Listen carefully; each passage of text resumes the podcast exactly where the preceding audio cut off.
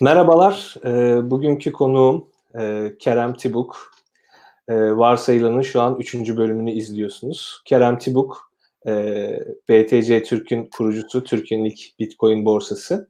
Aynı zamanda yine Bitcoin borsaları üzerine çalışan e, bir teknoloji şirketi olan BTC Trader'ın da CEO'su. E, kendisiyle bugün e, Bitcoin ekosisteminin geleceği, Bitcoin'in çalışma mantığı nedir, ne değildir, bir yatırım aracı olarak, bir harcama aracı olarak ne gibi özelliklere sahiptir, değildir. Ee, biraz bunları konuşacağız. Ee, belki normalden biraz daha uzun bir program olabilir. Ee, programları normalde 45 dakikayı e, geçirmemeye çalışıyorum programlarda. Ama e, belki bu konu biraz daha uzun çünkü konuşacak çok fazla şey var. Özellikle e, yaşadığımız koronavirüs krizi sürecinde e, Bitcoin'in de beklenenin aksine biraz farklı hareketler e, sergilemesi sonucu aslında yatırımcıların veya işte Bitcoin sahiplerinin, tasarruf sahiplerinin kafasında farklı şeyler canlandı. Bunlarla ilgili konuşacağız. Hoş geldin Kerem abi, nasılsın? Hoş bulduk, iyiyim. Teşekkürler, iyi yayınlar. Sağ olasın. Şimdi o zaman e, aşağı yukarı ilk soruyla başlayayım. Bu arada arkadaşlar sorularınızı e, iletme konusunda lütfen çekinmeyin. Ee, sorularınızı da elimizden geldiğince cevaplamaya çalışacağız. Ee, yani cevaplamaya değer sorularınızı mutlaka bekliyoruz, öyle söyleyeyim. Ee, Londra stüdyolarımızda e, ben de İstanbul stüdyolarından size bu yayını yapıyorum.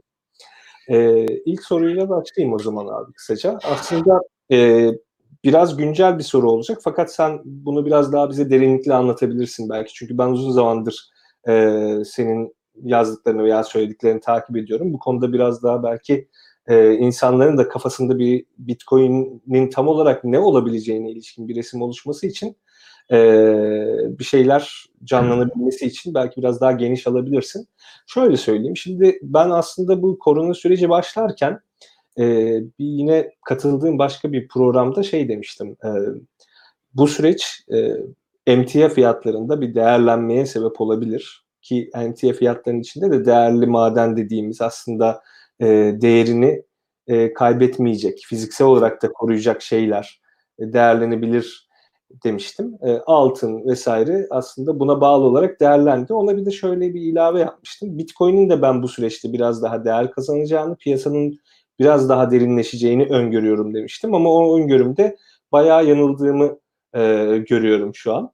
E, ki şöyle bir yani Mart'ın e, ikinci haftasında aslında Bitcoin fiyatında ciddi bir düşüş yaşandı. Bitcoin fiyatındaki düşüşten daha önemli olan şey ise Bitcoin'in market büyüklüğü yani derinliği, piyasanın derinliğinde yine çok ciddi bir e, düşüş yaşandı. Bu, bu da aslında e, Bitcoin yatırımcılarını tabii sadece Bitcoin'den de bahsetmemek lazım. Diğer kripto paralarda çok daha farklı, e, çok daha güçlü düşüşler yaşandı. E, fakat bu sene açıkçası biraz e, Bitcoin'in e, yükselmesini bekliyorduk. Biraz daha kendini toparlamasını bekliyorduk. Fakat bu koronavirüs süreci bize o bakımdan e, biraz sarsıcı geldi. Özellikle e, küçük yatırımcılar işte bu programı yapacağımı duyurduğum andan itibaren biraz e, sorular soruyorlar. Bir de her gün aşağı yani her gün demeyeyim ama 2-3 güne bir e, ne olacak bu Bitcoin'in hali sorularıyla muhatap oluyorum Twitter'dan, sahil mecralardan. Programın başlığını da onun için Bitcoin ne olacak yaptık ama sonuna da bir ünlem koyduk. Çünkü sadece konuşacağımız şey Bitcoin'in ne olacağı değil aslında potansiyelinin ne olduğu. Bu çerçevede sana bunu bir sorayım. Yani bu beklenenin aksine e, neden böyle ters e, şekilde hareket etti Bitcoin? Bitcoin ileride bir varlık olarak, yatırım tasarruf aracı olarak kendi değerini koruyabilecek mi? Senin bu konudaki görüşlerin neler? Ee, tabii çok büyük bir şok yaşadık. Ee, ben bir finansal kriz açısı bekliyordum çünkü 2008'den beri şişen bir e, global e, varlık şey vardı. Evet. Ama bu virüs krizi e, biraz e, ekstra oldu açıkçası. Çünkü bu sadece finansal bir kriz değil, reel bir kriz, reel sektörü vuran bir kriz. E, üretim durdu birçok birçok ülkede, ekonomiler neredeyse e, yüzde seksen kapandı. E, yani gelecekteki belirsizlik çok arttı. E, ve nakitte bu böyledir. E, herkes bir para taşır, bir para balansı taşır cebinde. İşte o ülkenin herhangi bir denominasyonunda TL olabilir, dolar olabilir, başka bir şey olabilir. E, bu genel belirsizlik içindir ama kriz dönemlerinde belirsizlik art, art, arttığı için e, paraya talep artar. O yüzden herkes malını, mülkünü satıp bir an önce nakite dönmeye çalışır ki e, gelecek belirsizlikte esneklik e, kazansın. Şimdi Bitcoin'in e, böyle kriz dönemlerinde değer kazanabilmesi için daha erken olduğunu düşünüyorum. E, likiditesi yeterince yok. Yeterince e, ele değmiş değil. Bugün 7 milyar insan yaşıyor dünyada. Belki 10-15 milyonun eline Bitcoin değmiş durumda. E, ama bunları tabii e, çok kısa dönemli e, şoklar için e, değerlendirmek e, bize büyük resmi kaçırmamıza neden olabilir. Bir kere Bitcoin e, gelmiş geçmiş şu anda insanlık tarihinde en iyi para. E, şunu anlamamız lazım. Bizde tarih hep böyle işte Lidyalılar parayı buldu. Ondan sonra geldik işte cebimizde TL var, dolar var oraya. Paranın bir tarihi var. E, paranın daha önce e, ondan önce bazı fonksiyonları yerine getirmesi lazım ve bu fonksiyonları yerine getirebildiği sürece bazı e, metalar, bazı şeyler tarih boyunca e, daha kaliteli para olarak ortaya çıkmış. Bazıları daha kalitesiz ve rekabet olmuş. Bugün de paralar arasında rekabet var. Bugün de mesela bir dolar, Amerikan dolarıyla TL'yi yan yana koyduğumuzda hangisi daha kaliteli bir paradır diye sorduğumuzda alacağımız cevap belli. Ama bu bugünün bir şeyi değil, tarih boyunca gerçekleşmiş bir şey. E, zaman içinde işte deniz kabukları, işte küçük cam e, boncuklar, e, öküzler, e, işte e, geyik derileri, bir sürü şey para için kullanılmış. De, değerli madenler, altın, gümüş. E, altının kullanılmasının seçilmesinin altın uzun süre içinde kazanmış sebepleri var. E, bir kere paranın değerini koruması lazım. E, siz bir şey için bir ürün ve reel bir ürün hizmet veriyorsunuz. Biri size para diye bir şey veriyor. E, bu satın alma gücünü koruyabilmeli ki bir süre en azından. 3 gün, 5 gün, illa bir sene, 2 sene olması gerekmez bunun. 3-5 günde olabilir. Siz bunu kabul edin. Verdiğiniz reel e, ürün veya hizmet karşılığında kabul edin bölünebilir olması lazım. Kolayca transfer edilebilir olması lazım. İşte sahtesinin kolayca ayırt edilebilir olması lazım. Ee, insanlık uzun süre e, bu özellikleri hepsini karşılayabilen, en iyi karşılayan meta olarak e, altında şey kılmıştı. E, ama şu anda Bitcoin öyle bir noktada ki e, hem para olarak çok kaliteli hem de içinde bulunduğumuz finansal sistem altına dayalı sağlam bir parasal sistem değil. Zaten çürük bir sistem, altı boş bir sistem. Bugün birileri oturup e, piyasadaki para miktarını istedikleri kadar arttırabiliyorlar. Ve e, para e, diğer mal ve ürünlerin aksine e, piyasada miktarı arttıkça toplam değeri artmayan e, bir metadır. Mesela bugün e, otomobil üretiliyor dünyada her gün e, yüz binlerce belki milyonlarca. Otomobil üretimi artarsa daha fazla otomobil olursa bütün dünya zenginleşir. E, elma, armut ne olursa olsun tüketilir tüketilmez. Bir tek paranın miktarı arttığı zaman zenginlik artmıyor. Çünkü para zaten var olan diğer zenginliklere bir talep e, aracı. E, o yüzden şu anda e, ben genel olarak Bitcoin'in bu yarışa uzun süre evvel işte 11 sene evvel girdiğini düşünüyorum. E, bu yarıştan özellikleri dolayısıyla işte bölünebilir olması, saklanabilir olması, kolay saklanabilir olması, e, e, internet üzerinden transfer edilebilir olması, toplam miktarının hiçbir zaman değişmeyecek olması bu çok önemli. E, Birçok yönden üstün bir para.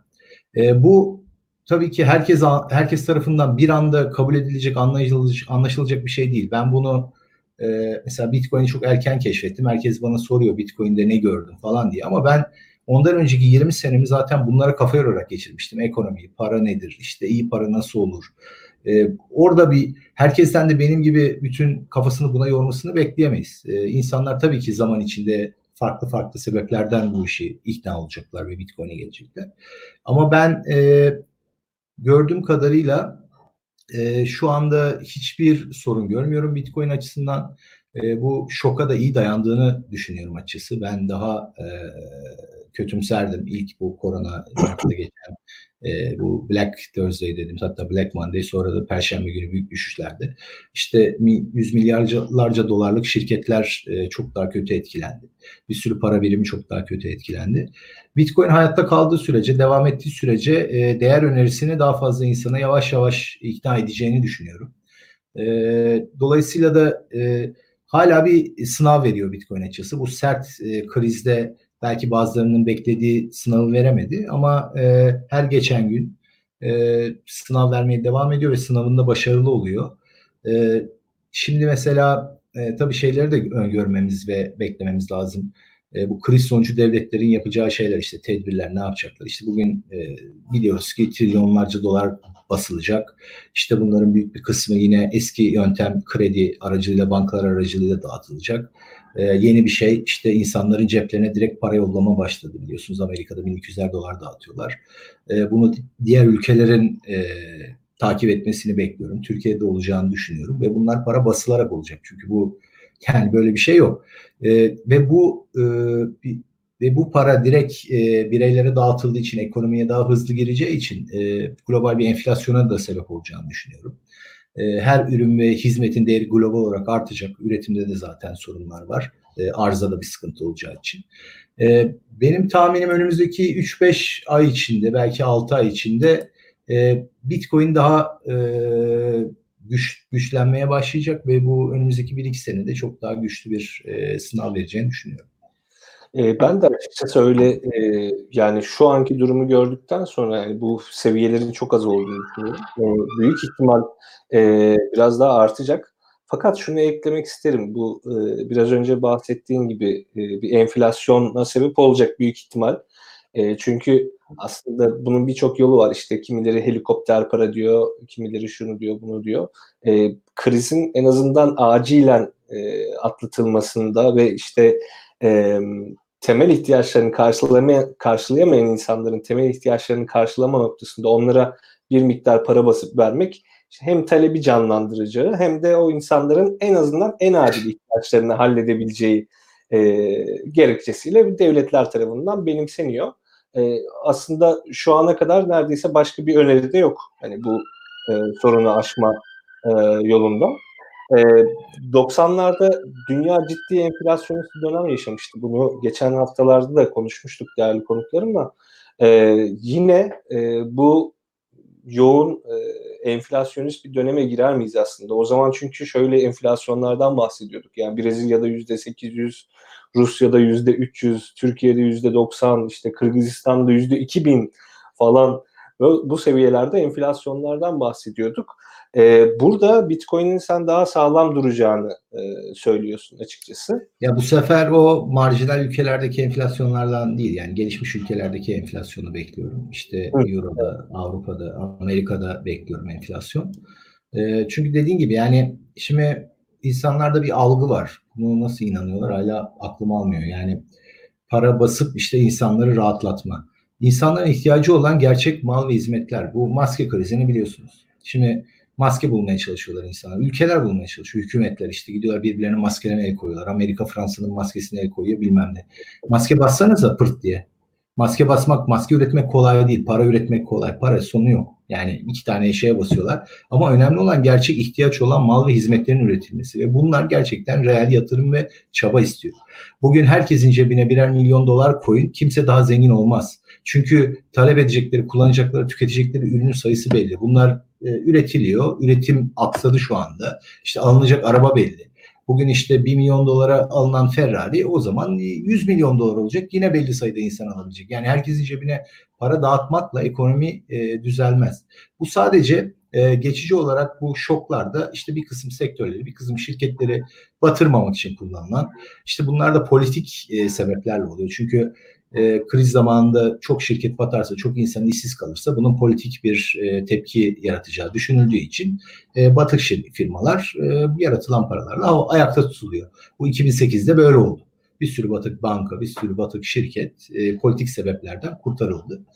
E, şimdi ama bu e, içinde bulunduğumuz durum bu kadar e, bu bile değil. Yani bunun da bir sonu var da içinde bulunduğumuz durum biraz daha kötü maalesef. Ee, enflasyona etkisi açısından da şimdi iki şey enflasyonun bir şeyin enflasyonunu arttırır. Bir arzda olan bir sıkıntı işte üretim düşerse işte arz talep dengesi bir de talepte artış olursa fazla para girerse.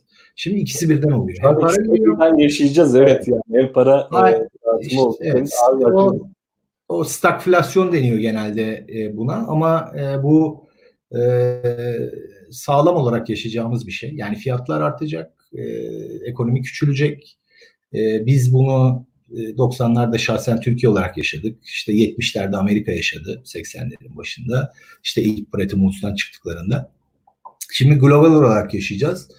Ee, şimdi tabii sürekli kötümser olmak da doğru değil. Yani 30 sene evvele göre kıyaslayın. Bu olay 30 sene evvel olsaydı şu anda çok kötü daha durumdaydı. Şu anda internet var işte uzaktan çalışma imkanları var. Ee, başka bir sürü imkan var elimizde. Ee, global işbirliği artmış durumda. Bu değerli, önemli bir şey. Ee, ama maalesef e, birazcık işte finansal sistem yüzünden özellikle 2008'de bu şey temizlemeyip işte e, para pompalayarak balonu tekrar şişirdikleri için bir de ekstra bir e, şey var, e, atalet var e, ekonominin üzerinde. E, bunları, bu düzeltmeleri yaşayacağız. Hem e, finans finansman yüzünden bozulmuş e, şeyler hem de bu koronavirüsün getireceği hayatımıza değişiklikler. Bazı şeyler değişecek belki kültürel olarak. Yani e, bu virüs bir iki sene devam edecekse e, veya böyle virüsler gelecekse zaten elimizde teknoloji var. İşte bu social distancing diyorlar. İşte şu anda birimiz Londra'da, biraz birimiz İstanbul'da bir yayın yapıyoruz. E, benzer şekilde bir sürü firma uzaktan evden çalışmaya geçti. Belki böyle dönüşümler olmak zorunda. E, bazı şirketlerin ömrü tükenecek belki. Bazı yeni şirketler çıkacak falan. Bunlar doğal şeyler ama e, bilmiyorum. Yani tabii devletlerin verdiği tepkiler de maalesef e, çok kötü, çok kötü sınav veriyor. Sadece devletler değil, devlet üstü e, e, kurumlarda işte Dünya Sağlık Örgütü, Birleşmiş Milletler. E, yani devletin ne kadar beceriksiz olduğunu düşünün aldığı kaynaklarda. Bunu on, onla çarpın. Devlet üstü kurumlarda böyle. E, tamamen para yiyen bürokratlardan oluşan tipler yani. O yüzden e, bilmiyorum. Bir yandan iyi şeyler var, bir yandan kötü şeyler var. İyi şeyler hep alttan piyasadan geliyor. İşte kendi hayatını, ailesinin hayatını e, daha iyi yapmak isteyen, üreten, çalışanlardan geliyor. Kötü şeyler de tepeden geliyor. Yani yapacak bir şey yok. Bunu mücadele edeceğiz. Bu insanlığın uzun süredir mücadelesi. Ee, orada belki şeyi ekleyebilirim. Yani devletlerin yani sadece şimdi biz Türkiye'de yaşadığımız için bir de birkaç gündür böyle Türkiye'yi çok konuştuğumuz için e, hep buradaki politikalar, buradaki politika yapıcıların işte basiretsizliği vesairesi her yerde. Evet, her yerde aynı. Yani maalesef şey, e, bu mortgage krizinden sonra Amerika'da o yapılan bailoutların ne kadar yanlış olduğu, nelere yol açtığı görüldü. E, ve şöyle bir şey var. Aslında burada devletler halen e, saçma sapan bir şekilde bu bir finansal krizmiş gibi hareket ediyorlar ve hiç kimse e, uygulayacağı mali politikaların e, maliyetini üstlenmek istemediği için halen bir para politikası uyma peş, uygulama peşindeler ve merkez bankalarının bir şekilde şapkadan tavşan çıkartacağı çıkartacağını düşünüyorlar. Maalesef e, son birkaç çareleri yok. Yani politik olarak e, kriz geldi. Hepimiz fakirleştik. Daha çok çalışacağız. Çıkacağız buradan diyecek. Yani bunu politik olarak söylemenin dünyanın hiçbir yerinde geçerli yok. O yüzden her şey olacak. İşte bunu da atlatacağız. Görünmez şeyi yendik. İşte para bastık hepimize şey yapıyoruz falan propaganda. Ama e, bilmiyorum. Sonuçta Bitcoin'e dönecek olursak şu anda e, Biraz aslında yani, lafını kesiyorum abi ama şeyi he. sorayım sana. Ee, ona dönmek için belki sana bir yol açar. Ee, dolar bu kadar çok basılmasına rağmen işte swap kanalları dediğimiz işte o karmaşık sistemler işte türev mühendislerinin icat ettiği böyle abidik gubidik değişim araçları falan bu kadar sonuna kadar kullanılmasına rağmen cidden dünyada çok fazla yani halen görüyor ve yükseliyor. Ee, Bitcoin ve dolar arasındaki bu e, netameli ilişki diyebileceğiniz e, şeyi nasıl görüyorsunuz? E, doların böyle davranması normal. Çünkü e, dolar dünyanın en likit parası şu anda. Şimdi biz mesela kaliteli para, kalitesiz para diyoruz. Özelliklerine göre işte ihtiyacı karşılama e, oranına göre bir para öbür paradan daha üstün olabilir. Ama yani sound money e, dediğim şey sağlam. Evet, e, sağlam paranın e, yeni bir şeyse sağlam paranın e, likitte kazanması, işte insanların e, insanları ikna edip insanların e, holdinglerini işte balanslarını alması, satın alması falan zaman isteyen bir şey. Şu anda içinde bulduğumuz finansal durumda e, likiditesi dünyada e, en fazla olan e, para dolar. O yüzden de e, kriz zamanında dediğim gibi e, belirsizlik arttığı için insanlar likiditeye hücum ediyor. Paraya da değil aslında likitte. Likitte demek çünkü esneklik demek. Bugün cebinizde dolar varsa, 10 bin dolar varsa dünyanın herhangi bir yerinde bir sürü şeye e, ulaşabilirsiniz. Bir sürü gerçek e, varlığa, e, yiyecek, içecek, barınma ihtiyacı neyse. E, dolayısıyla e, bu biraz toplamı sıfır bir oyun. Yani toplamda büyük bir pasta var, para pastası var. E, para pastasından işte e, bazı para birimleri daha öndeyse kriz zamanlarında birazcık da olsa önde olan avantaj sağlar. E, şu anda Bitcoin o seviyede değil. Hiçbir para o seviyede değil. Bir, e, doların da e, bu durumda olmasının tabii tarihsel sebepleri var. Yani e, dolar buraya birinin e, kararıyla veya mucizevi bir şekilde bir şekilde gelmedi. E, yıllarca Amerika Birleşik Devletleri'nin ekonomisi e, devletin e, devlet çok daha mü, az müdahale ettiği için diğer ülkelere nazaran e, çok daha e, liberal bir ekonomisi vardı. İşte savaşlarda e, galip taraf, taraftı birinci veya ikinci Dünya Savaşı'nda ve e, güvenilirlik kazandı. Bunun bir sebebi var. Yani bir anda o bu parmağını şıklatarak olmuyor. Ama tabii e, özellikle 60'lardan beri e, Amerika bunu suistimal ediyor. E, 71'de işte Bretton Woods'un e, sona ermesiyle bu suistimal daha ön plana çıktı ama likidite bu. E, şimdi dünyanın finans sistemi gerçekten çok karmaşık. Yani bunu anlamak, ne nasıl çalışıyor bu uzmanlık istiyor. Mesela dolar e, sadece Amerika Birleşik Devletleri'nin resmi para birimi değil, dünyada kullanılan bir şey. Dünyada her e, ülkede e, hemen hemen her bankada dolar mevduat hesabı açılabiliyor. E, fiyatlamalar dolarlama yapıyor. Bu da likidite yüzünden. E, bir günde değişecek bir şey değil bu. E, zaman içinde değişecek. Bitcoin'in likiditesi e, doları nasıl geçer, ne zaman geçer, geçebilir mi? Bunları yaşayarak göreceğiz. E, şu anda mesela dolar kadar likit dünyada bir emtia daha var altın ama e, onun sıkıntısı var. Yani taşıması zor, transferi zor. Bugün altına da dünyanın herhangi bir yerinde işte spot piyasanın çok az altına veya üstüne bozdurabilirsiniz. Likit de o demek zaten. Yani e, bugün bir bir kilo altınınız var. Diyelim ki bir kilo altın 50 bin dolar. Bugün Nijerya'da gitseniz, e, Arjantin'e gitseniz, Avustralya'da gitseniz, Rusya'da gitseniz o piyasa, spot, uluslararası spot piyasanın çok az altına veya üstüne onu bozdurabiliyorsunuz. Bu likitte demek. Ama altının kendi başka sorunları var. Taşıması zor, saklaması zor falan gibi. İkinci e, dolar geliyor. E, zaten 2008 krizinde de bu böyle oldu. Herkes para basılınca doların acayip enflasyona uğrayacağını, değer kaybedeceğini düşünüyordu. Ama öyle bir belirsizlik vardı ki dünyada herkes e, malını mülkünü satıp, kendi para birimini satıp dolara geçmişti. Çünkü doların e, e, herkes tarafından kabul edebileceğini düşünüyorlardı istediklerini. Şimdi yine öyle bir durum var. Yine dolar çok güçlü. Şu anda mesela varlığını ne de tut e, derseniz bana. E, üç tane şey söylerim. Belki dört tane o dördüncüsü şey olarak dolar, altın, bitcoin ve hisse senedi olabilir ama hisse senedi tabii e, şirket hangi şirket biraz daha karışık bir şey. E, e şu andaki içinde bulunduğumuz durumu ama e, 3-5 ay sonra, bir sene sonra işte bu helikopter paralar, para basmalar, para enjekte etmeler, işte e, fiilen durmuş ekonomiyi para stimülasyonuyla harekete geçirme çabaları falan devam ederse farklı şeyler olabilir. E, yani e, doların şey kırılabilir, Bitcoin'de anormal hareketler olabilir. E, çünkü bu para bir yerlere gidecek. Yani e, nereye gidecek bu para? İnsanlar belli bir süre sonra öğrenecek. E, bu enflasyon biraz da psikolojik bir şey. Şimdi e, mesela biz 80'lerde 90'larda ben çok iyi hatırlıyorum. E, Türkiye inanılmaz bir enflasyonist dönem içindeydi. İşte %80, 90, 200, 300 senelik enflasyonlar e, kiralar, maaşlar işte dolara endekslenmişti. İşte insanlar maaşlarını alır almaz ay başında hemen dolara çevirirler. Harcadıkça bozarlardı. İşte böyle dönemleri yaşadık.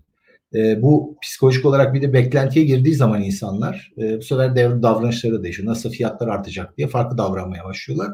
Bu enflasyonist baskıları daha da e, e, tetikleyen, döngüleyen e, şey oluyor. Hatırlarsınız bizdeki enflasyonu kırmak, kırmak dediğin o da %10'un 10 civarına indirmek yani öyle çok kırmak değil. Ama yine yüzde yüzlerden falan yüzde ona indirmek de başarıydı. E, çok e, sancılı işte beklentileri kırarak falan olmuştu. Çünkü o bir döngüye girince insanlar habire fiyat artışı beklediği zaman herkes maaşına zam bekliyor. İşte herkes fiyatların artacağını düşünüyor falan filan.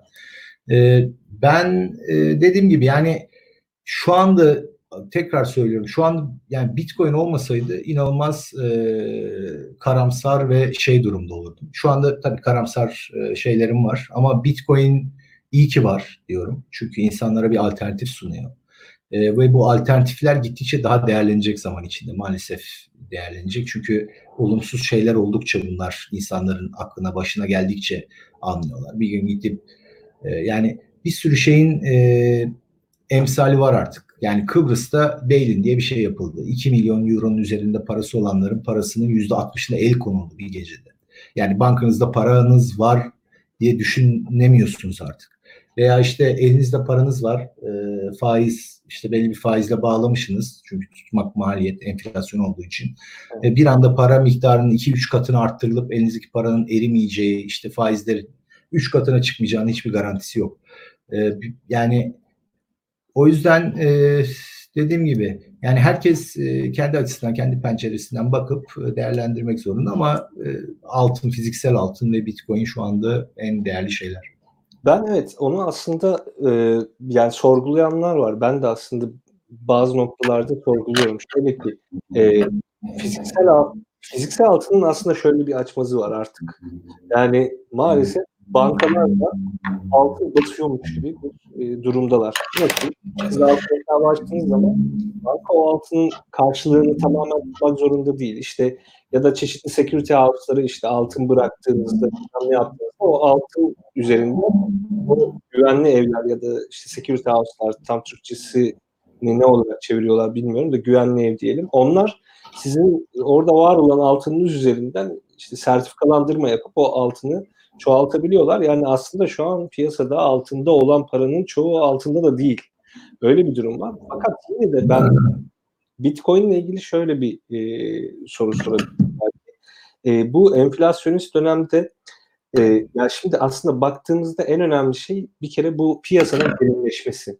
Yani bu enflasyonist döneme e, Bitcoin piyasasına insanları angaja edemeden girersek yine ben bu piyasanın çok fazla derinleşemeyeceğini düşünüyorum. Yani bunu bu sistem ben, nasıl kadar Şöyle bir, bir bilgi paylaşayım. Şimdi bizim e, biliyorsunuz BTC Türk e, de bayağı işte üyemiz var. Her gün yeni üyeler geliyor. Bizim bu krizlerden sonra üyelerimizde azalma değil artma var. Yani ilgi fazlalaşıyor. Tabii. Ama hız, ee, hızlı işte onun e, yani ne denir? E, ivmesi, ivmesini çok daha hızlı olmasını e, beklemek yok, lazım. O kadar şey yok, o kadar değil. Bu iş e, yani bir gecede işte şöyle olsun böyle olsun veya krizlerde her şey o kadar basit değil bu işler. Ben yok, de çok, düşünmüyorum ama değil ama biraz daha sanki piyasaya insanların daha hızlı angaj olmasını ben açıkçası beklerdim. E, fakat öyle bir e, yığılma görmüyorum maalesef. Yani baktığım Ama zaman. Ben, ben çok iyimserim. Ben daha kötü olabileceğini düşünüyordum. Çok iyi gidiyor. Yani benim gördüğüm kadarıyla hem fiyat açısından hem ilgi açısından. Ee, şimdi mesela tabii ki panik dönemlerinde kötü negatif etkileri olabilir ama yani Bitcoin şu anda dijital dijital olarak e, ve dijital olarak kelimesi önemli orada. E, kendinizde bizzat kendinizin saklayabileceğiniz tek varlık. Kimseye güvenmeden. Bugün evet. sizin bank, banka hesabına işte internetten bağlanıp da şubenize bağlandığınızda bazı rakamlar görüyorsunuz ya. Onlar ekrandaki rakamdan ibaret. Bitcoin için bu geçerli. Bitcoin cüzdanınıza girdiğinizde bir rakam görüyorsanız o başka birinin kontrolünde, başka birinin iznine tabi, başka birinin keyfine kalmış bir rakam değil. Tamamen sizin kontrolünüzde. İstediğiniz zaman istediğiniz kişiye transferini yapabilirsiniz. isterseniz saklarsınız. Ee, bunun dışında işte Bitcoin alternatif bir nakit var. Onun da değeri düşebiliyor ve taşıması işte yollaması zor. Bir de altın var. Yani e, dijital bir dünyada insanların artık işte bu social distancing dediğimiz işte sosyal mesafe şeyi yaparak her şeyin uzaklaştığı. Yani ben e, zaten bazen kendimi çek. Mesela Bitcoin konusunda ben e, wishful thinking derler ya çok bazen bazı şeylerin olmasını isterseniz o sizi körleştirir. İşte şeylerde. Hep kendimi o yüzden Bitcoin konusunda kontrol ederim. Yani çok istiyorum başarılı olmasını. O yüzden beni köreltiyor mu, beni yanıltıyor mu diye. E, ara ara tabii tecrübeler de yaşıyoruz. Bu krizleri yaşıyoruz, inişleri çıkışları yaşıyoruz. E, ben her testi benim e, reel olarak piyasada ve teorik olarak benim kafamdaki işte her e, testi çok iyi atlattığını düşünüyorum Bitcoin'in.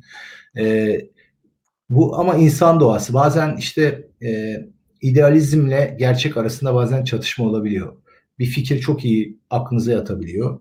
Diyorsunuz ki bu inanılmaz bir fikir. Niye herkes bunu kabul etmiyor? Ama işte böyle insanların farklı risk algıları var.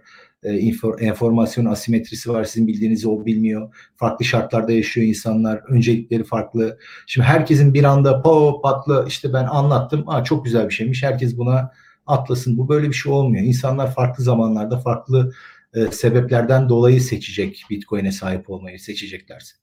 E, o yüzden e, bu çok e, doğal bir organik süreç. Arada işte krizler, malizler tabii ki e, farklı şeylere sebep olabilir fiyat hareketlerine.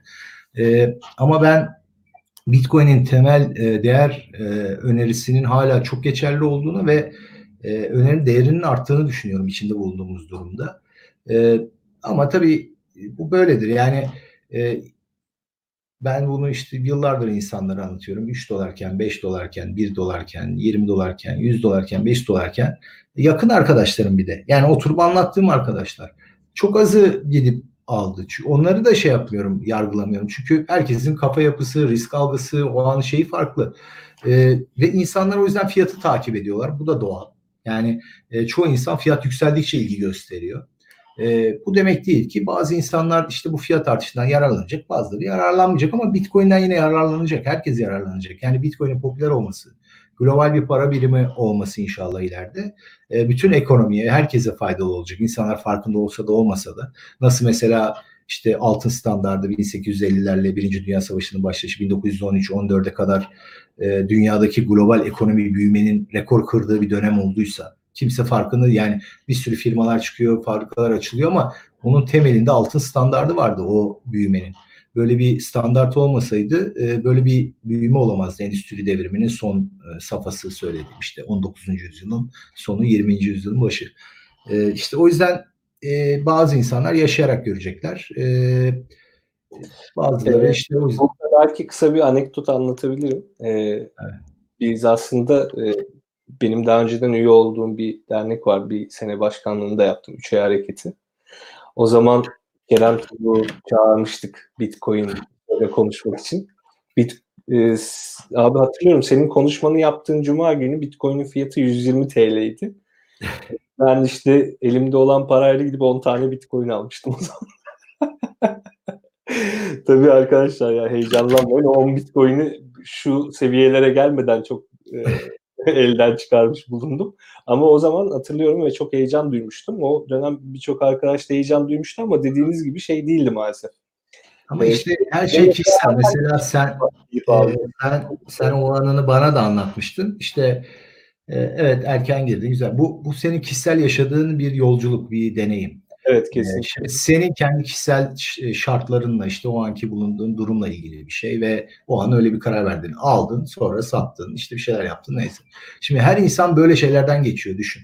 Bu bir homojen insanlık topluluğu işte bir büyük organizmanın bir parçası değiliz biz. Hepimiz bireyiz. Hepimizin değişik şartları var. Hepimizin farklı düşünceleri, bilgileri var. Herkes işte bugün sen ben böyle yaptım, sen niye böyle yapmadın deyince herkes diyebilir ki ben çünkü benim şartlarım bunlardı. O an şöyleydi, böyleydi diyebiliyor. O yüzden bu bütün dünyanın insanlık için geçerli. Yani 5 e, sene evvel Bitcoin'i duymuş da almış olan var, duymuş da almamış olan var, alıp satmış olan var, pişman olan var, pişman olmayan var. E, ve insanların tabii e, şartları değiştikçe ve durumları değiştikçe, bilgileri değiştikçe ve daha güvendikçe farklı şeyler oluyor. O yüzden mesela Bitcoin'in zamana ve organik büyümeye ihtiyacı olduğunu düşünüyorum. Bir de şey var tabii, bu yeni bir teknoloji. İşte elle tutulur bir şey değil insanların bunun belli bir süre geçmişinde çalışmış bir e, geçmişinin olmasını istiyorlar. Buna Lindy efekt diyorlar. Mesela e, Lindy diye bir kafe varmış e, şeyde. E, bir firma veya bir fenomen ne kadar geçmişi varsa gelecekte de hayatta kalma şansı o kadar artıyor diye bir teori vardır. Şimdi Bitcoin ölmediği sürece işte 11 sene oldu, belki 13, 15, 20 sene böyle gidecek. Hayatta kaldı. Geçmişindeki her geçirdiği zam ee, bu arada yayınımızdan koptu Kerem Tibuk. Ee, tekrar bağlamaya çalışayım.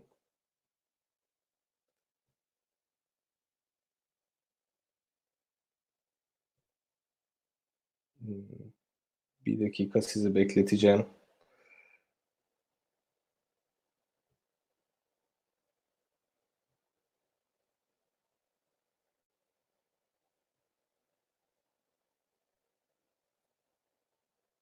Maalesef bazen böyle sıkıntılar oluyor. E, her zaman olabileceği gibi. Böyle şeyler yaşanabiliyor. E, belki e, bir iki dakika bekleyelim. Bu arada ben belki birkaç şeyden bahsederim. O sırada Kerem Tübük gelemezse e, tekrar şey yaparız. E, belki ikinci bölüm olarak vesaire yapabiliriz. E, şimdi aslında sorularda görüyorum. E, arkadaşlarım da soruyor. E, kaçtan sattın vesaire diye. E, Bitcoin o zaman çok e, hızlı bir boğa sürecindeydi. Ben yani Bitcoin'in satın aldığımda gerçekten fiyatı çok düşüktü. Ki aldıktan da yani e, sanıyorum bir 3-5 gün sonra çok ciddi bir şekilde arttı fiyatı. E, 400 liralara falan çıktı seviye olarak. O zaman işte bir kısmını sattım tabii. O zaman öğrenciydim. E, bir yandan da Kerem abiyle yazışıyorum. Kusura bakmayın.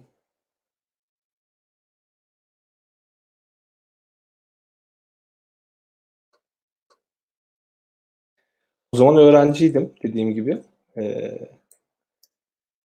şeydi yani maalesef işte borçlarımız, harçlarımız vardı. O, onun için yaptık. Bu arada chatten gelen e, soruları da soracağım. E, sadece şeyi bekliyorum. E, Kerem Tibuk'un tekrar bağlanabilme ihtimalini seviyorum diyeyim artık. Onu bekliyorum. E, PC'den bu arada yazışıyoruz Kerem Tibuk'ta. PC'den e, bir dolayı bir sıkıntı yaşamış. Bu arada ben belki biraz şeyden bahsedebilirim.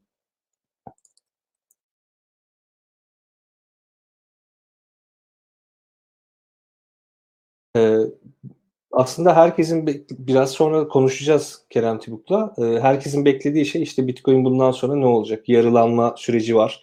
Yarılanma sürecinden sonra ne olacak? Bunları konuşacağız. Fakat bugüne kadar geçirdiği yolculuğu ben biraz şöyle önemsiyorum. Ee, yani gerçekten içinde çok büyük bir teknolojik birikim barındıran bir şey bu. Yani insanlar maalesef e, şey değiller. Yani biz hiçbirimiz angaja olamayız bu değişime hızlıca. Ben e, bir e, kripto paralar üzerine çeşitli çalışmalar yapıyorum ama ben bir ekonomistim en nihayetinde. E, bilgisayar mühendisi değilim. Bu alana ilişkin bir altyapım yok. E, farklı kripto paralar çıktığında o onların e, işte white paper'ları vesaireleri çıktığında e, okuduğumda her şeyi çok e, hızlıca anlayamıyorum haliyle. İçinde gerçekten çok büyük bir e, şey barındırıyor, bilgi barındırıyor.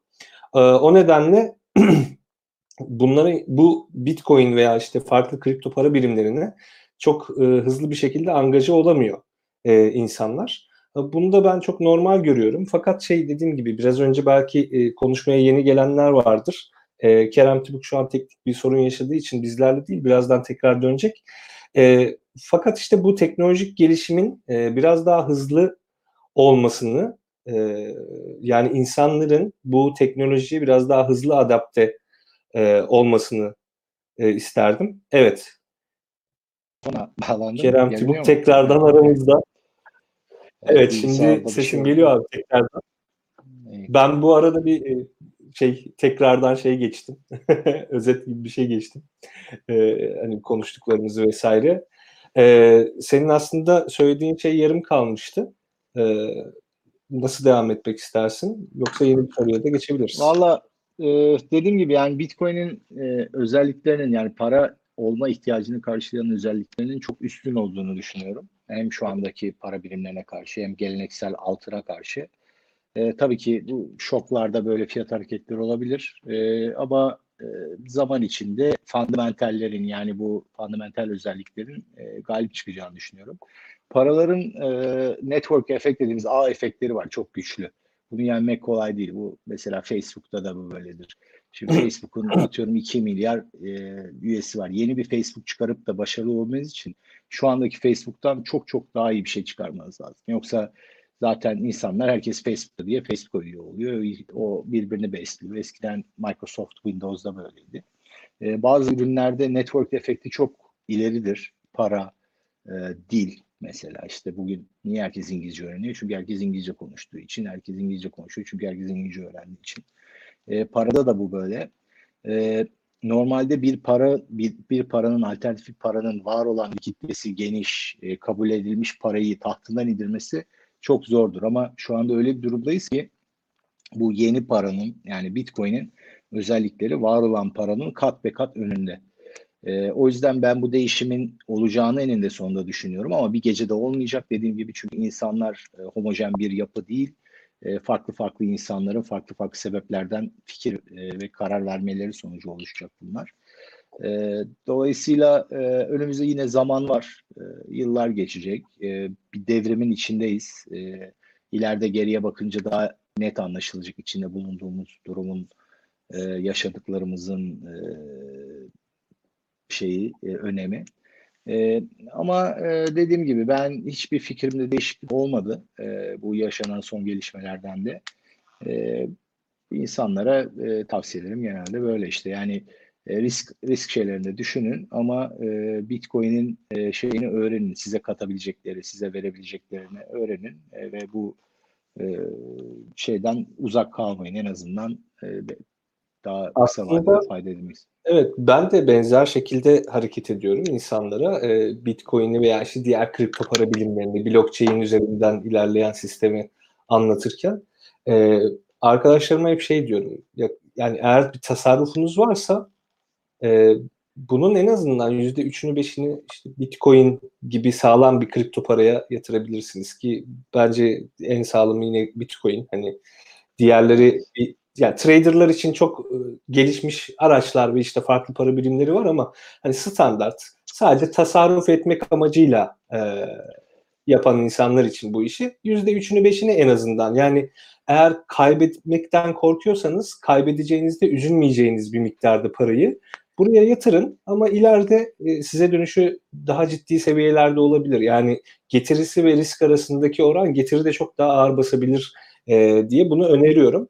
Buradan aslında şunu sorayım. Bu network efektten bahsetmiştiniz biraz önce abi. Ona e, belki şöyle bir ekleme yapmak lazım. Ya insanlar sahip olduğu parayı aslında harcamak istiyor. İşte kredi kartları, nakit para, şu bu bundan dolayı var. İnsanlar şu an Bitcoin'in e, harcama imkanları biraz az olduğundan dolayı belki de ben e, biraz öyle düşünüyorum. E, şey yapıyor olabilirler. Bundan çekiniyor olabilirler.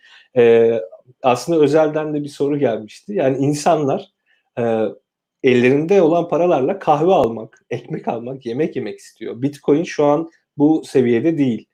E, bu seviyelere geldikten sonra mı acaba e, biz e, bu enflasyon karşısındaki süreçte Bitcoin'i bir güvenli liman olarak görebileceğiz? Ya da devletlerin en nihayetinde bu e, sıkıntılı uygulamalarından dolayı yani Bey'in süreçlerinden bahsetmiştik ya o süreçlerde Bitcoin bir güvenli liman olarak mı görülecek? E, nasıl sence burada o dengeyi nasıl kurabiliriz?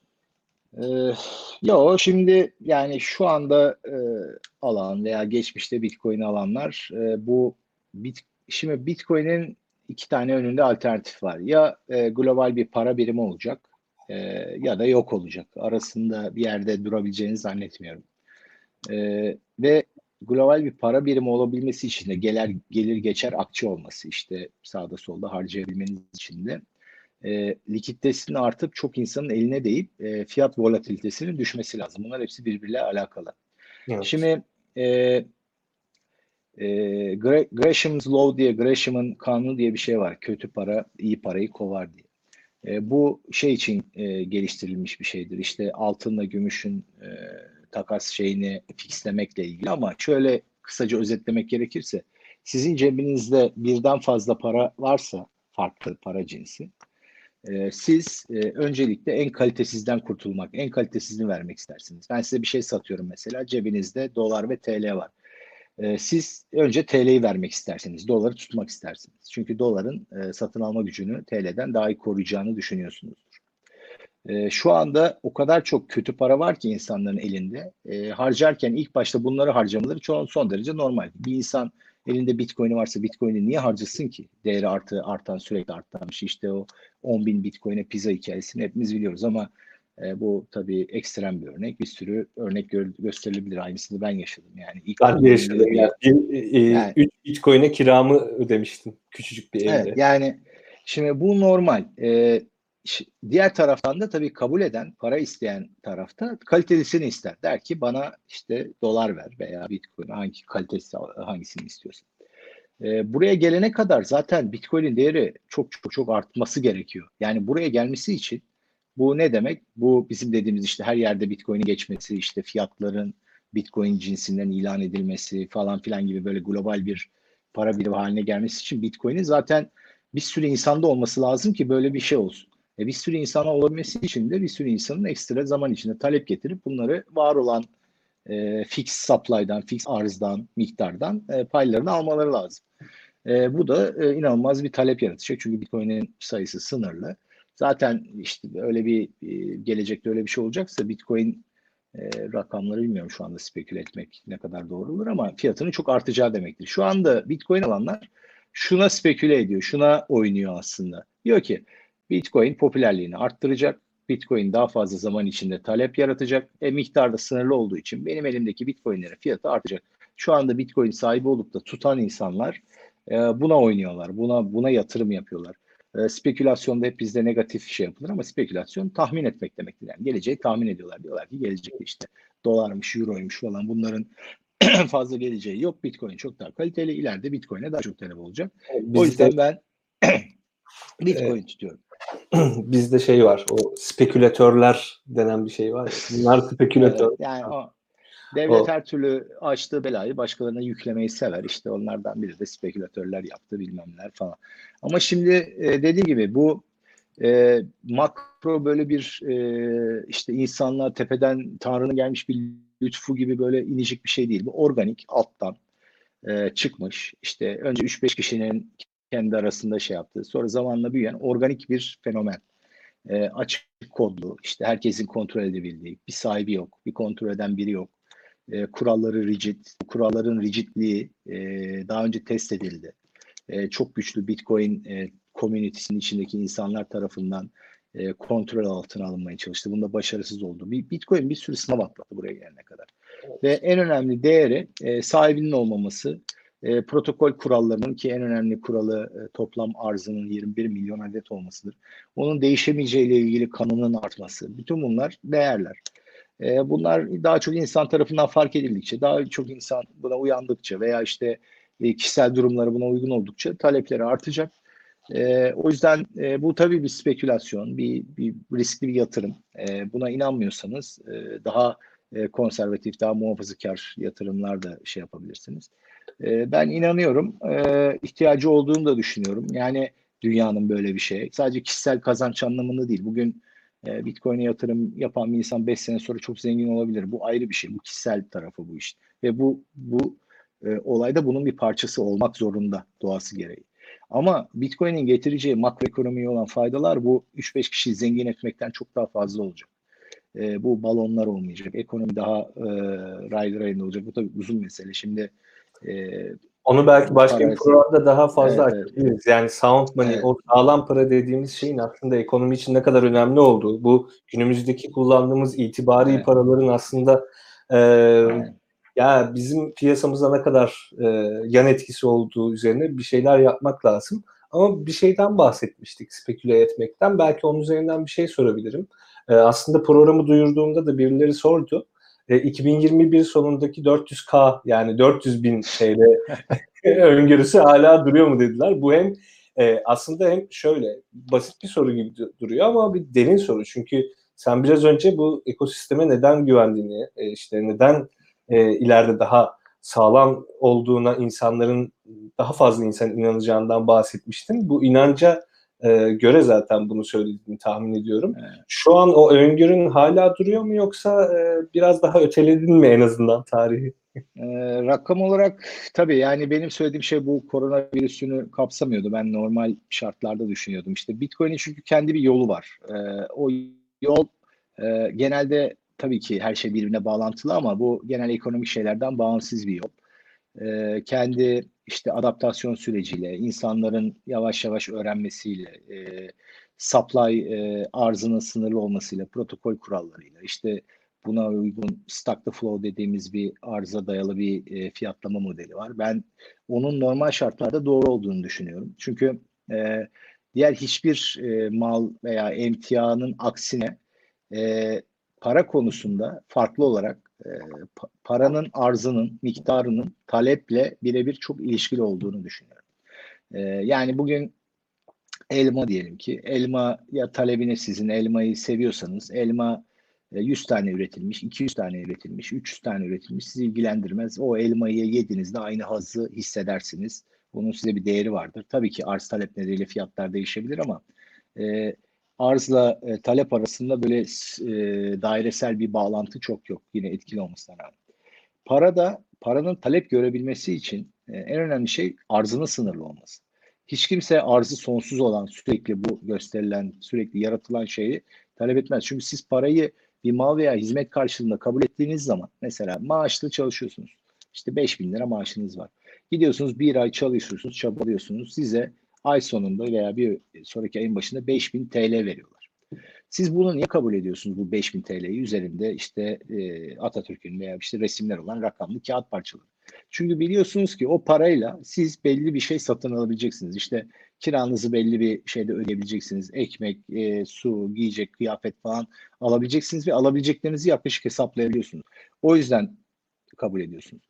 Bugün aldığınız 5 bin lira 3 gün sonra 5'te bir fiyatına satın alma gücüne düşerse siz mümkün olduğu kadar o paradan erken e, kurtulmaya çalışırsınız veya kabul etmemeye çalışırsınız. Hatta bu işte 2002'de çöktü bu sistem hatırlarsınız bilmem. Barter bir ara çok modaydı. Barter'a dönmüştü herkes. Barter şirketleri çıkmıştı. Çünkü öyle bir para acayip e, sistemi bozulmuştu ki e, insanlar barter'a, ilkel barter'a dönmüşlerdi. Şimdi dolayısıyla e, elimizdeki alternatifler belli. Var olan belli. Ben yıllarca Bitcoin öncesi mesela altın standartlarına dönüş olsun diye işte e, kafa patlatıyordum. Evet, Avusturya İktisat Okulu meraklıları Aynen. ve emekçileri Aynen. olarak. E, çünkü yani e, bu hem yaşadık gördük hem de bunu e, öngörmek zor bir şey değil. Para basma etkisine sahip olan kişi veya kurum bunu suistimal edecek. Kim olursa olsun edecek. Sen de olsan ben de olsam işte 3-5 tane PhD'si olan işte ekonomist olsa Merkez Bankası diye oturan herkes bunu suistimal edecek. Öncelikle devletler. Yani suistimal edilemeyecek e, bir para birimi e, şu anda en şeyi Bitcoin. Yani insanlar iste istemez buna yönelecekler diye düşünüyorum. Yani o konuda hiçbir şüphem yok hala. E, son derecede e, iyi atlattığını düşünüyorum bir kriz zamanlarını. Bu arada hava karardı biraz. Ben de karanlıklaştım galiba ama. Görebiliyor musun? en azından ses güzel geliyor. Evet. Ee, sıkıntı yok. Ee, abi aslında bayağı bir şeyden bahsettik. Ben şimdi biraz da e, chatten sorulara bakayım. E, ve onları sorayım. Belki kısa kısa cevaplarsak e, insanlar da e, ne bileyim ben en azından e, etkileşimli bir şey yapmış oluruz. Şimdi şöyle e, bazı soruları aldım ama yine de e, birleştirip soracağım.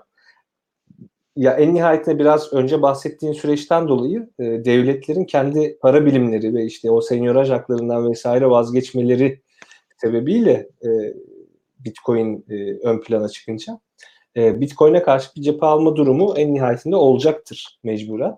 E, burada devletlerin Bitcoin'i kontrol altına alma, borsalar aracılığıyla e, bunları kontrol etme durumları nedir? Ve özellikle belki Türkiye'de bu durum e, sence nasıl e, şu an? Çünkü bu işi Türkiye'de ilk yapan kişisin ve e, çok eski zamandan beri yapıyorsun.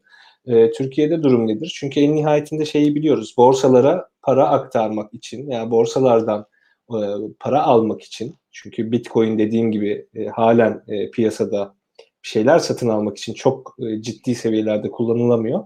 Normal işte bir konvansiyonel bankalara ihtiyacımız var ve onların da üzerinde çok ciddi e, denetimler var. E, en azından kripto para piyasalarında bu durum nedir ve bunu aşabilir miyiz? Kısaca biraz bahsedersen sevinirim. Ee, şu anda içinde bulunduğumuz durum hem Türkiye hem dünya açısından benim beklentilerimin daha iyi durumunda. Ben daha düşmanca eskiden yani 7-8 sene evvel falan e, daha düşmanca yaklaşacaklarını devletlerin düşünüyordum. Ee, bu olmadı. Ee, bu bir şans bence. Yani tabii ki ülkeler e, kendi vatandaşlarının Bitcoin satın almalarını zorlaştırabilir, engelleyemez. Tabii yani merkezi bizim gibi borsalar kapanabilir, firmalar ama yer altına kayar. P2P, el altı, işte tezgah üstü dediğimiz e, karşılıklı birebir e, piyasa engellenemeyeceği için. Çünkü Bitcoin Network'e engellenemiyor. E, bu devam edecektir ama şöyle bir durum var. E, bunu yapan devlet yani kendi hakkın e, kendi halkını Bitcoin'den bir nevi mahrum eden e, devlet e, uzun vadede kaybedecek. O halkı daha çok fakirliğe e, mahkum edecek diye düşünüyorum ama bu noktada da değiliz aslında. E, şu, yani Bitcoin olarak e, kendisi network'ü, Bitcoin'in değerleri, Bitcoin'in şeyi ben e, devletlerin çok organize belki bir düşmanca bir tavrı konusunda kısa vadede kötü etkilenecek. Tabii fiyat olarak kötü etkilenecektir. Bir sürü firma yatırım yapmış bizim gibi kötü etkilenecektir. Başka dünyanın her yerinde firmalar var ama Bitcoin devam edecektir. E, belli bir oranda yer altına iner. Sonra yer üstüne çıkar. E, ama e, yani Bitcoin artık hayatımıza girdi. Yani bu Bitcoin'den öncekiyle Bitcoin'den sonraki şeyler gerçeklik dünyada tamamen farklı. E, Bitcoin hayatımıza girdi. Bundan çok geri dönüş olacağını zannetmiyorum. Tabii yolda e, şeyler çıkabilir, engeller çıkabilir. E, beklenen fiyatlar zamanında gelmeyebilir. Adaptasyon daha uzayabilir. Ama e, Bitcoin diye bir şey var artık. Bitcoin e, organik, açık kodlu, herkesin global bir komünitesi olan bir fenomen halinde. Kolay kolay e, şey olacağını düşünmüyorum. Eskiden daha e, soru işaretlerim vardı kafamda. Çok başarılı olmasını istiyordum ama e, soru işaretlerim de vardı. E, ama şu anda öyle bir çok negatif durmuyorum. Ama tabii herkesin kendi şeyini e, takip edip ve Bitcoin'lerini kendi saklamayı öğrenmesi lazım. Mesela BTC Türk'te bir sürü insan Bitcoin'i depolama çok önemli aslında. Yani evet, bu... yani birazcık Bitcoin'e yatırım yapacak insanlar birazcık da zaman yatırım yapıp öğrensinler Bitcoin nasıl güvenli bir şekilde saklanır. Çünkü dediğim gibi Bitcoin'i dijital diğer dijital varlıklardan ayıran şey e, sahip çıkıp kendi elinize alabil, kendi kontrolünüze alabilmeniz. Sadece e, ekranda yazan rakam değil bunlar. Sizin tamamen kontrolünüzde.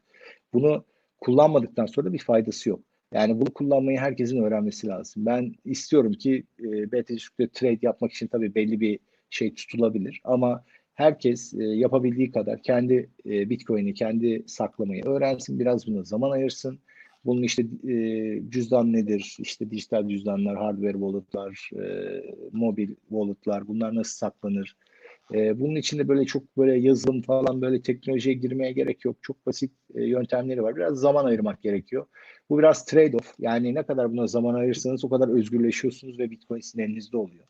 Bugün bir yerde bir kurumda Bitcoin'iniz varsa evet Bitcoin'iniz var o an için ama o kurumun başına bir şey gelme ihtimalini düşünün. Her türlü. Ee, bu imkanınız var. Kendiniz saklama imkanınız varken bunu kullanın. Herkese bunu öneriyorum. Ee, dolayısıyla yani o konuda da söyleyeceğim bu. Peki e, şey soruluyor yine. Evet abi gitgide karanlıklara doğru evet, gömülüyorsun böyle. Ben ışığı açayım gelelim. Stüdyoda bir anda aydınlık. Gündüzdü burada başladım. Bu yarılanma etkinliğiyle ilgili yani yarılanmadan sonra Bitcoin'in fiyat hareketiyle ilgili bir şeyler söylemek ister misin? Yani ben böyle çok fiyat tahmin vesaire konularını konuşmak istemiyorum ama çok soru gelmiş. İnsanlar yani yatırımlarını aslında merak ediyorlar.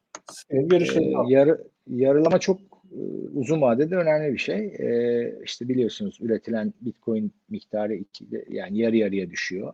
Ee, şu anda günde 1800 Bitcoin üretilirken 900 Bitcoin'e düşecek. Bu da demek ki işte yeni üretilen Bitcoin'lerde satış baskılı azalacak demek. Bu basit bir şey. E, normalde geçmiş dönemlerde yarılamaya doğru insanlar bunu bildiği için e, fiyat e, yükselir. Yarılamadan hemen sonra biraz e, satış gelir. İşte e, e, şeyi al, haberi, haberi sat, e, ihtimali al şey vardır ya.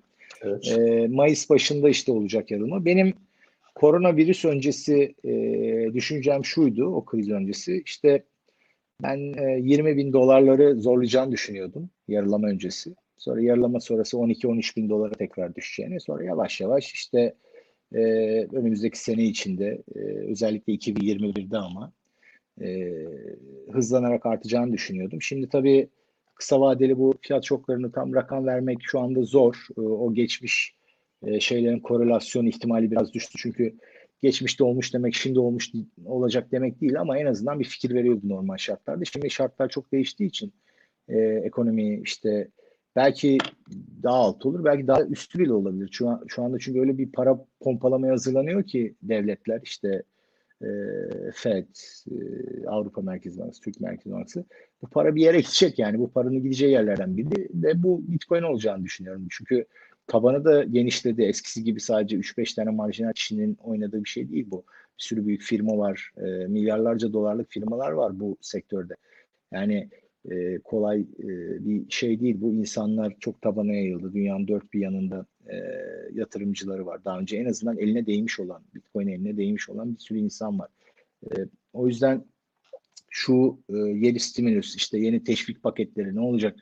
Belki öyle bir acayip şeyler olacak ki bu zaten bu nominal rakamların da çok önemi yok. Yani yarın bir gün bana diyorlar ki işte Bitcoin 10 milyon dolar olur mu? Olabilir ama işte o günkü 10 milyon dolarla bugünkü 10 milyon dolar aynı şey olur mu? Onu öngöremiyoruz. Yani belki o günkü 10 milyon dolar bugünkü 1 milyon dolar satın alma gücünde olacak. O yüzden nominal rakam konuşmanın çok bir anlamı yok. Ama tabii e, kısa dönem içinde e, bu fiyatlar önemli. E, Bitcoin'in fiyatı zaten en büyük reklam aracı Bitcoin'in. Çünkü insanlar e, ilgi duyuyor öğrendikçe, fiyatı duydukça. İnsan onu böyle yani hepsi oturup karşına akademik olarak anlatıp da ha tamam böyleymiş diyecek haliniz yok. Yani ne buna imkanınız var ne insanların e, e, imkanları ve kapasitesi buna uygun. E, o yüzden doğal bir süreç bu. İnsanlar yavaş yavaş öğrenecekler. Yani ben bunu e, 8-10 senedir yaşıyorum. Bir 10 sene, 20 sene daha yaşayacağım. Göreceğiz yani sen haklıymışsın işte şöyleymiş dinleseydim seni falan diye bir sürü insan diyor. Ama yani bu, bu normal bir şey. Bazen diyorum ki işte mesela bu diğer coinler de öyle. Ee, insanlar soruyor bana işte diğer falanca coin, filanca coin, yeni bitcoin bilmem ne. Bu da psikolojik. Bu da olması gereken. Ben bunların çoğunun çöp olduğunu düşünüyorum. Bitcoin'in e, kalacağını ve en değerli şey olduğunu düşünüyorum ama bir yandan da şunun farkındayım. İnsan insan doğası bu. İşte Bitcoin uçmuş gitmiş, e, ben treni kaçırdım, yeni Bitcoin'i bulayım diye çabalayan insanlar olacak. Bu insan doğası. Yani bu süreçten de geçeceğiz. Maalesef insanlar e, saçma sapan para da kaybedecekler bu durumda garip garip coinlere yatırım yaparak ama anlatarak işte şey yaparak bunu yasaklayarak falan olmuyor. Bu insanların yaşaması gerekiyor bu süreci. E, mesela şey sorusu vardı Twitter'da görmüştüm. Siz bir BTC Türk'te niye coinleri listeliyorsunuz diye. Evet. E, şimdi mesela şeyi ayırdık BTC Türk full Tam onu sordum. ve, Ee, ve aslında o soruya geçmeden önce bir şey söyleyeyim de bu e, biraz önce anlattığın şeyle ilgili insanlar neden bunu yaşaması lazım? Bu Bitcoin'in e, sanıyorum 2015'teki bull run'ında yani şey yükseliş döneminde e, şey olmuştu hatırlıyorsanız yani bana şey soruyorlardı ya mesela işte Bitcoin nereden alabilirim? Havalimanında mı satılıyor? Hani dışarıdan gelen bir şey ya yani insanların aklı hani o ilişkiyi öyle kurmuş. Havalimanında mı satılıyor? Serbest bölgelerde mi varmış? falan filan gibi. O dönem işte insanlar bankalardan kredi çekerek bilmem ne yaparak Bitcoin'e girdiler. Yani yapmayın etmeyin dedikçe girdiler. Ama şimdi o insanlardan bazılarıyla görüşüyorum ben hala. Ee, yani hala o piyasanın içindeler bir şekilde. Hatta bazıları trade trade yapıyor. Yani gündelik işte e, ticaretini yapıyor, alım satımını yapıyor ki ben bu, bu piyasaya o kadar angaja değilim. Yani ben günlük e, işlem yapmayı sevmiyorum. Psikolojim de kaldırmıyor zaten. E, buradan şeye atlayabilirim e, hem. E, şeyle birleştirerek sorayım o Twitter'daki soruyu. E, işte aslında e, shitcoin dediğimiz işte değersiz para yani batması muhtemel olan paralar neden BTC Türk'te barınıyor diye soruyor insanlar. E, bunu belki şeye bağlayabilirsin. Sonra da yayını kapatabiliriz. E, yani bu hesapların güvenilirliği, cüzdanların güvenilirliği, hangi borsa güvenilirdir değildir. Bunu anlamanın bir yolu var mı? İnsanlar biraz da bunu soruyor. Yani biz evet Bitcoin alalım, girelim, edelim. Ee, bunun yolu şu an borsadan geçiyor çoğunlukla. Ee, acaba hangi borsa güvenilir? Bu güvenilir borsayı nasıl anlayabiliriz? Güvenilir borsa kolay değil tabii. Yani marka değerine, geçmişine bakacaksın. Ne kadar süredir e, şeyde, e, yayında, daha önce başına neler gelmiş. E, bu işte Bitcoin'de olduğu gibi işte ne kadar eski bir firmaysa, ne kadar badire atlatmışsa o kadar güvenilir diyebilirsin. Şu anda çünkü e, gerçekten e, pür kapitalizm şeklinde geçiyor. Kimse kimsenin şeyinde değil. Hiçbir devlet batan Bitcoin borsasını kurtarmıyor banka kurtardığı gibi. E, herhangi bir Bitcoin e, bakiyeleri veya borsalardaki bakiyeler herhangi devletin güvencesinde değil. Dolayısıyla e, insanların kişisel sorumluluk düşüyor. İyice araştıracaklar ve bu riski alacaklar ve en önemlisi bu borsalarda fazla değer tutmayacaklar. Yani bu imkan ellerinde var. Herhangi diğer yatırım araçlarında olmayan bu imkan var. Bugün siz e, bilmem ne yatırım e, şirketinde borsada hisse alıyorsanız hisseyi kendiniz şahsınıza alma imkanınız yok. İşte takas vakti saklanıyor veya işte nakit para varsa parayı çekmeniz zor. Nakit olarak saklamanız zor. Ama bu dijital varlıklar özellikle Bitcoin'i kendiniz çok kolay bir şekilde, güvenli bir şekilde saklayabiliyorsanız saklayın. Bir kere güvenmek zorunda değilsiniz. Ee, sadece trade yapacağınız zaman gönderin, riskinizi limitleyin. Ee, coinlere gelince diğer coinlere biz e, tabii 4-5 bin tane falan coin var şimdi. E, bir, kis, bir kısmı e, işte Bitcoin'e direkt rakibi, bir kısmı e, smart contract platform dediğimiz e, platformlar. Bir kısmı da bu platformlar üzerine yapılmış çeşitli aplikasyonların coinleri. E, bunların içinden belki 3-5 tane işte şu anda birden aldığınız yarın işte 10-15 olacak şeyler çıkabilir. E, ama bunlar çok riskli ve e, know-how isteyen şeyler. Bu işleri ben kimseye bulaşmalarını tavsiye etmiyorum. Bir de Bitcoin'de tren miren kaçmış değil. Daha Bitcoin'in çok başlarındayız. Bugünkü işte 20 dolardı işte e, 5 bin dolar oldu, 10 bin dolar oldu şeyini düşünmeyin. E, yarın öbür gün bugün e, ki rakamlara inanamayacak insanlar. E, Bitcoin'de tren kaçmış değil ama insanları da anlayabiliyorum. Yani böyle hissetmeleri normal. Çünkü böyle bir şey daha önce yaşamadılar. E, yarın işte yeni bir firma çıkınca daha iyisi nasıl çıkar diye aramak insanlarda bir reflekstir. Bu bir firma değil ama bu bir para birimi. Ve para birimleri monopolistiktir. Yani bir şey bir para birimi iyiyse öbürünü ezer geçer. Öyle benim yüzde otuz payım olsun, senin yüzde kırk payın olsun diye gitmez paralar. E, bugün doların hegemonyası nasıl güçlü hissediyor özellikle bu kriz zamanında? Niye herkes dolara koşuyor? Sebebi bu. E, o yüzden e, Bitcoin'in gücü bu buradan geliyor. Para e, olmaya oynaması ve network efekti. E, Bitcoin'in önü çok açık. E, en sağlam, e, en güvenli network. E, diğerlerini niye listeliyoruz? E, çünkü talep var açıkçası. Yani yapacak bir şey yok. Ve onlar arasında da yine muhafazakar davranıyoruz. Yine e, listeleyebileceğimiz binlerce coin arasında da en fazla global likiditesi olan e, coinleri ekliyoruz. Neden? Çünkü bize bir şey olursa yarın öbür gün ben kimsenin elinde o coinlerle kalmasını istemiyorum. En azından satabilecekleri başka yerler olsun. Yani başka yerlerde trade ediyor olsunlar. Bugün bir sürü saçma sapan coin icat ediliyor, yaratılıyor. İşte gidiyorlar bir iki borsaya rüşvet veriyorlar. Bunu listele diye. O listede 3-5 tane alışveriş oluyor. Biri alıyor. O borsa gittiği zaman elinde kalıyor o coin'li adam. Yani bunlara karşı bizim basiret düşücüler olarak bazı sorumluluklarımız olduğunu düşünüyorum. Ben zaten e, Bitcoin'e ekstra bir e, sempatim ve şeyim var diyorsunuz. Bitcoin E, Max zaten- olarak e, Aynen. evet, E, marka, markayı da ayrıştırdık. BTC Türk, BTC Türk Pro diye. E, Pro işte günlük trade yapan. Çünkü bu shitcoin dediğimiz coinlerde de para kazanmak mümkün. Günlük trade yaparak yani bu bu bir meslek. Her türlü insan gelip deneyebilir. Buna kimse bir şey diyebileceği bir şey yok. Ee, yalnız bilerek girsinler. Yani bu piyasada e, şey çok kurt çok. Yani öyle e, 3-5 tane şey okuyup ben bu işe giriyorum diye benim tavsiyem o. Maalesef bir sürü insan Türkiye'de özellikle yabancı bo- borsalarda bu işte e, kaldıraçlı işlemlere giriyorlar saçma sapan option coin bilmeden giriyorlar ve e, çok para kaybediyorlar üzülüyorum ama yapacak bir şey yok. Ee, biz e, bazı şeyleri sunmuyoruz müşterilerimize. Ee, bazı şeyleri de ama sunmak zorundayız. Yani e, her gün bize şey geliyor. Şu coin'i de ekleyin, bu coin'i de ekleyin. Herkes de kendi sahibi olduğu coin'i eklememizi istiyor doğal olarak. Yani orada alışveriş olsun da ben daha iyi fiyatı satayım diye. Yani bu işler böyle ama e, biz işte birazcık böyle ince çizgide devam ediyoruz. Hem müşterileri bir nebze korumak hem de ticari olarak talep varsa bu talebi karşılamak. Çünkü biz yapmasak başkaları yapacaklar. Başkalarına gidecekler. Yani e, bir de tabii şeyleri var. E, çok coin eklemenin de bize maliyetleri de var. Biz çünkü her eklediğimiz coin'in e, cüzdanını, bizim taraftaki cüzdanını yazıp bunu manage etmek zorunda olduğumuz için Hı hı. o coinlerde insanların varlıklarını sa- saklıyoruz. Şimdi işte Stellar Lumen diye bir Excelen diye bir coin var. Şimdi onun biz e, yazılımını çok iyi yapabilmemiz lazım başkasına güvenmeden ki milletin bizde tuttuğu paraları uçup gitmesin bir, bir gün. Yani e, sistemsel o network'e bağlı veya cüzdansal bir bug'dan dolayı. E, o yüzden e, biz e, var olan kaynaklarımızı işte doğru kullanıp e, insanlara da seçenek sunup ama fazla da böyle e, riskli şeyleri de e, e, göstermek istemiyoruz insanlara. E, bizim stratejimiz bu. Bence iyi gidiyor.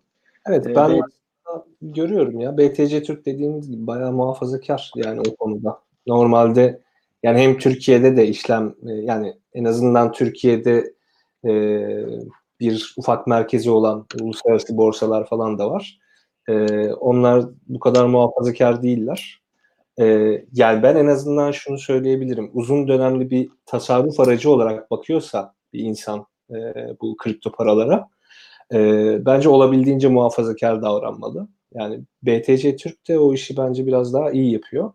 E, yavaş yavaş artık kapatalım istiyorum. Bir saat 10 dakika olmuş. Bu arada yayına hala izleyen arkadaşlara çok teşekkür ederim. Yayının başında e, normal süremiz olan 45 dakikalık süreyi biraz daha uzatacağımızı söylemiştim. E, buradasınız. Çok sağ olun. E, eklemek istediğin başka bir şey var mı buna ilişkin? Ee, yok. Ee, insanlar işte e, Bitcoin'in hakkında daha çok bilgi sahibi olmaya e, tavsiye ediyorum. E, yani kripto dünyasına girip de oradan oraya atlamayın. Bitcoin'i öğrenmeye çalışın. İşte onun dışında para e, mesela Bitcoin standardı diye çok güzel bir kitap var. Biz e, Evet. Türkçe'ye çevirtip yayınlattık şeylerde. Bulunabiliyor herhalde. Son kontrollerini de ben yapmıştım. Ee, o, E, o kitabı okumalarını tavsiye ediyorum herkese. O kitapta e, Bitcoin'den çok az bahsediyor. Asıl para ve para teorisi ve paranın geçmişiyle ilgili. Tabii sonunda Bitcoin'e bağlıyor ama e, genel bir e, fikir vermesi açısından bence e, güzel, çok güzel ve e, size'ı da güzel yani. Çok kalın olmayan bir kitap. Okuması da kolay.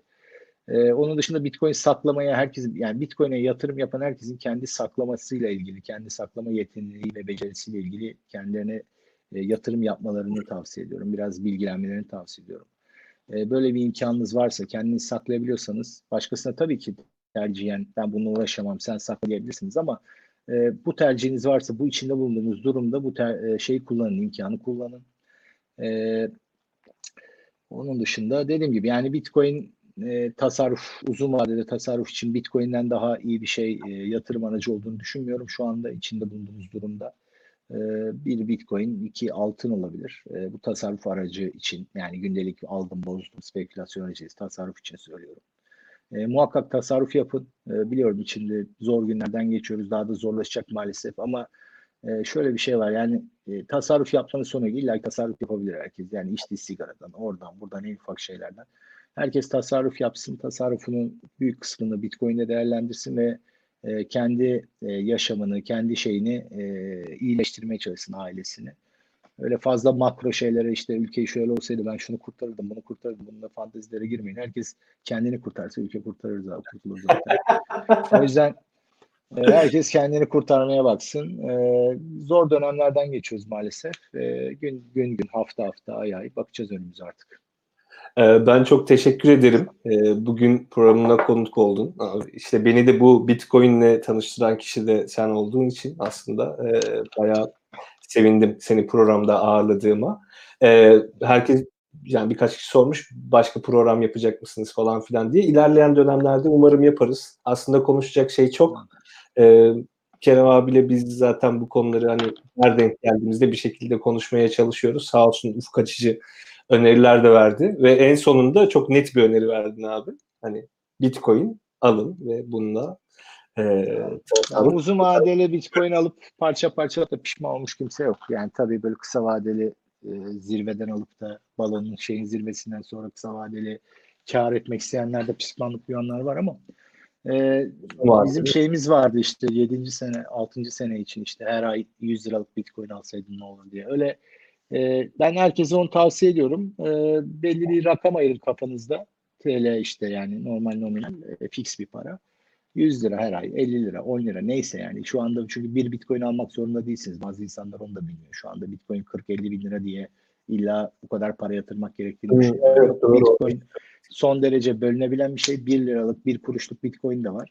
5 liralık, 10 liralık, 100 liralık, 50 liralık istediğiniz kadar alabilirsiniz ve bunu e, sabit aylık öyle parça parça işte bu bireysel emeklilik şey gibi yaparsanız e, uzun vadede pişman olacağınızı düşünmüyorum. Yatırım tavsiyesi değildir. Ee. E, Onu hakikaten söylemek lazım. Kanunlar vardı abi. Kanun var ya bir tane programda bir de böyle biraz mizahi bir programdı. Biraz böyle Bitcoin'den falan bahsettik. Sonra baktım hani insanlar ciddi ciddi sormaya başladı. Öyle olunca sonunda şey dedim artık arkadaşlar yatırım tavsiyesi falan değil. Çünkü gelip götürme ihtimalleri var. Bu arada e, ben sana çok dediğim gibi tekrardan çok teşekkür ediyorum abi. Seni yayından alacağım birazdan. Katıldığın için çok sağ olasın. E, en kısa zamanda umarım tekrar bir program yaparız. Görüşmek üzere. Tamam. Kolay gelsin. Teşekkürler. Sağ olasın. Ee, şimdi arkadaşlar birkaç duyurum olacak. Ee, sağ olsun Kerem bize zaten e, gerekli şeyleri anlattı.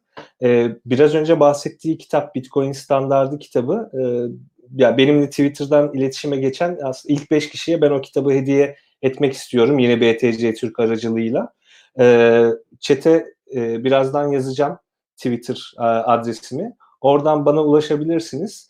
E, ve Daktilo 1984'ün aslında birçok programı var. E, çok güzel. İşte akademisyen arkadaşlarımız, gazeteci arkadaşlarımız programlar yapıyor. e, buna benzer çok daha fazla programın da gelmesini istiyorsanız bizi Patreon'dan destekleyebilirsiniz. Patreon linkimiz e, videonun altında. E, dediğim gibi e, birazdan da Twitter adresimi paylaşacağım. Oradan da e, bana ulaşarak e, bu Bitcoin standardı yani Seyfettin Emerson yazdığı Bitcoin standardı kitabını e, benden talep edebilirsiniz. BTC Türk aracılığıyla e, ben onları size ulaştırmaya çalışacağım. E, evet. Kullanıcı adımı da yazdım. Çok teşekkür ediyorum katıldığınız için. E, haftaya çarşamba yine başka bir konu ve konukla e, görüşmek üzere. Şimdilik hoşçakalın.